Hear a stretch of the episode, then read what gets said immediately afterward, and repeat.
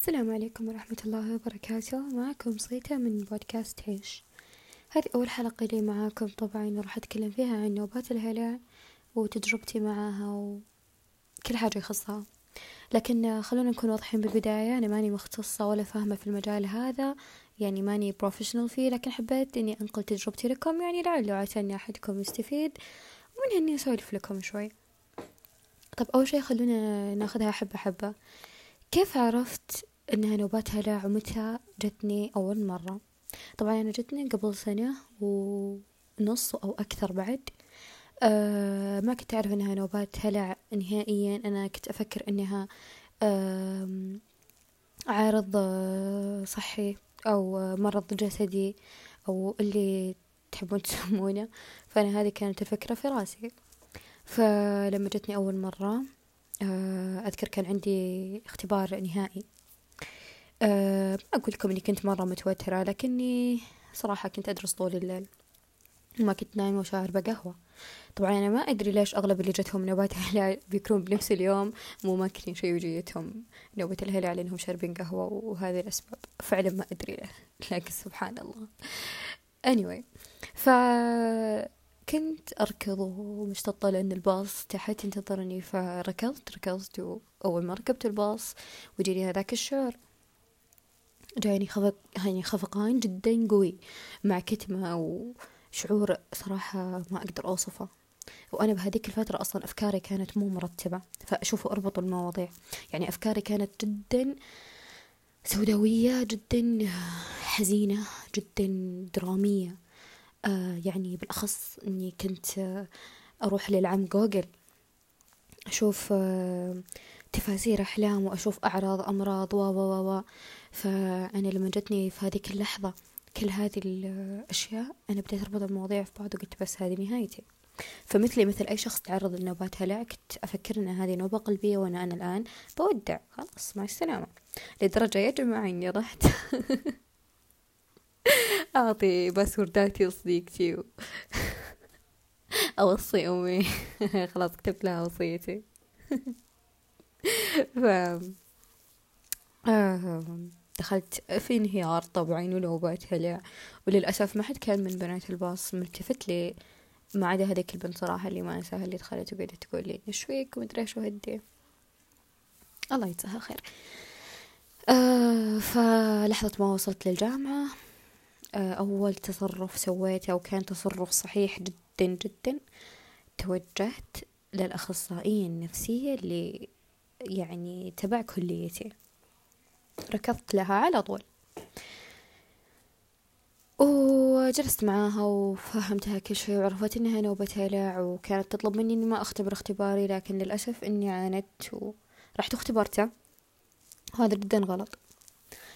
فأنا هنا عرفت إن أنا جتني نوبة هلع ومن تلك الحادثة أنا بديت صراحة أقرأ كثير عن نوبات الهلع وبديت أقرأ كثير عن كيف نتخلص منها وكيف أو نتعالج منها. وخصوصا أن أنا يعني استفدت كثير من أخصائيتي صراحة من الأشياء اللي قريتها طبعا. فأنا الأشياء اللي سويتها وفادتني بدون ما يعني صراحة أتردد إني أسويها كان أول شيء الألوان يعني أنا أجلس أشوف كل الألوان قدامي. هذا وردي هذا أبيض هذا أسود هذا أصفر هذا بيج هذا بنفسجي هذا أجلس أعدد الألوان قدامي. أحفز حاسة البصر عندي. ثم ثم التكنيك حق العد. أجلس أعد أي شيء. كم قلم عندي على الطاولة؟ كم دفتر هنا؟ هذا الدفتر كم فيه صفحة؟ هذا ال ال كم بنت هنا عندي؟ كم ذكر هنا عندي؟ وأجلس أعد. آه أيضا التذوق. أن أنا دائما أحط في شنطتي شيء مثلا حامض مرة آه شيء سويت مرة شوكولات هذه الأشياء كلها ترى لما تتذوقونها أنتم كذا قاعدين تلهون أنفسكم. هذه فعلا techniques آه يعني اعتمدوها أنكم فعلا آه تحفزون الحواس عندكم. آه زائد فكرة تضخيم الأفكار. إحنا ليش أوقات نوبات الهلع تكون صعب علينا السيطرة عليها؟ بسبب إن إحنا قاعدين نضخم فكرتها. مثلا أنا شخصيا لما تجيني أجلس أفكر إنه أنا الآن سوف أنهار. أنا الآن آه راح يكون منظري جدا غلط إذا انهارت أنا الآن ممكن بيجيني شيء لأن قلبي فيه خفقان. أنا أنا أنا. فأجلس أضخم الأفكار هذه. طيب نجي نمسكها فكرة فكرة. فكرة إن أنا راح أنهار. طب أنا سبق وأن أتتني نوبات هلع كثير لكن هل انهارت؟ لا الحمد لله. هي مجرد تفاعلات أو خلينا نقول مجرد ردات فعل آه، جسدية جدا عادية راح تستمر الوضع. وقت وخلاص يعني الحمد لله راح تروح. خلاص نسوي كذا. الفكرة تكون مرة مرة ضخمة. خلاص إحنا كذا نصغرها وخلاص الحمد لله. آه، فكرة آه، إن أنا الموت أو هذا هذا حق علينا وكلنا راح نمر في هذا اليوم لكن مو شرط أي نوبة هلع تعني هذا هذا الشيء. يعني ها هي مجرد نوبة هلع بتمر وبتروح. الحمد لله. اذكر اني حتى جلست مع بنت وسولفت لي عن هذه الأشياء كلها عن فكرة تضخيم الأفكار. ونحن دائما كبشر اللي يخلينا نوصل لهذه المرحلة هي تضخيمنا للأفكار اللي اللي يعني تصير لنا. والشيء اللي انتفعت منه مرة مرة مرة وساعدني صراحة يا جماعة كثير بإني أتخلص من نوبات الهلع هذه. الانشغال الانشغال يا جماعة.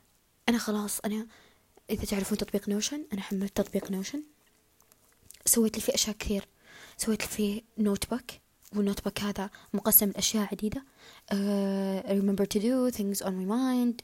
What I, what I didn't work. Things I should uh, know about the club that I'm working on podcast ideas things inspired me personal websites I like uh, أشياء مرة كثيرة ال weekly plan ال journal ال view of calendar بعد أشياء مرة كثيرة أنا سويتها في في نوشن تنظم لي أوقاتي وأنشغل وأشياء أنشغل فيها. يعني لدرجة إني أنا صرت بداية كل أسبوع يوم السبت آه هذه فقرتي المفضلة إني أفتح هذه. أعبي ال weekly plan حقتي. وأحاول إنها تتعبى مرة وتكون كثيرة أشغال فيها. لأن هذا الشيء راح يساعدكم إنكم ما تنغمسون في الأفكار السلبية وتدخلون في حالة القلق. حلو جدا الانشغال يا جماعة. حلو جدا. يعني سواء في الدراسة سواء في هوايات سواء في أشياء. يعني أنا مثلا عندي هوايات كثيرة. عندي هواية الكتابة. عندي هواية أحيانا التصاميم عندي آه، هواية القراءة آه، أشياء مرة يعني كثير إن أنا أعدد آه، يعني هواياتي وأخليها كثيرة أحاول أنغمس فيها. لأن يا جماعة ال ال يعني أنتم كأشخاص تصابون في نوبات الهلع أحيانا القلق اللي يكون يسبقها يعني أوقات تكون ترى عبارة عن طاقة أنت مجمع جواتك طاقة وما فرغتها. فمجرد تفريغها ترى مرة يساعد إنك تخفف من القلق هذا. جدا جدا يساعد على تخفيف القلق. فلا تستهينون في الانشغال يا جماعة. لا تستهينون فيه الإنسان كل ما صار وقته فيه جهد وبركة. آه عفوا جهد وشغل. ربي يبارك له. سبحان الله يعني هذا طبيعتنا كإنسان. أوكي إحنا نحتاج للراحة. فعلا نحتاج للراحة ونحتاج بس لا تنسون إن إحنا في مكان أو في دنيا واجب علينا إننا ننشغل. آه بليس شاطر يا جماعة.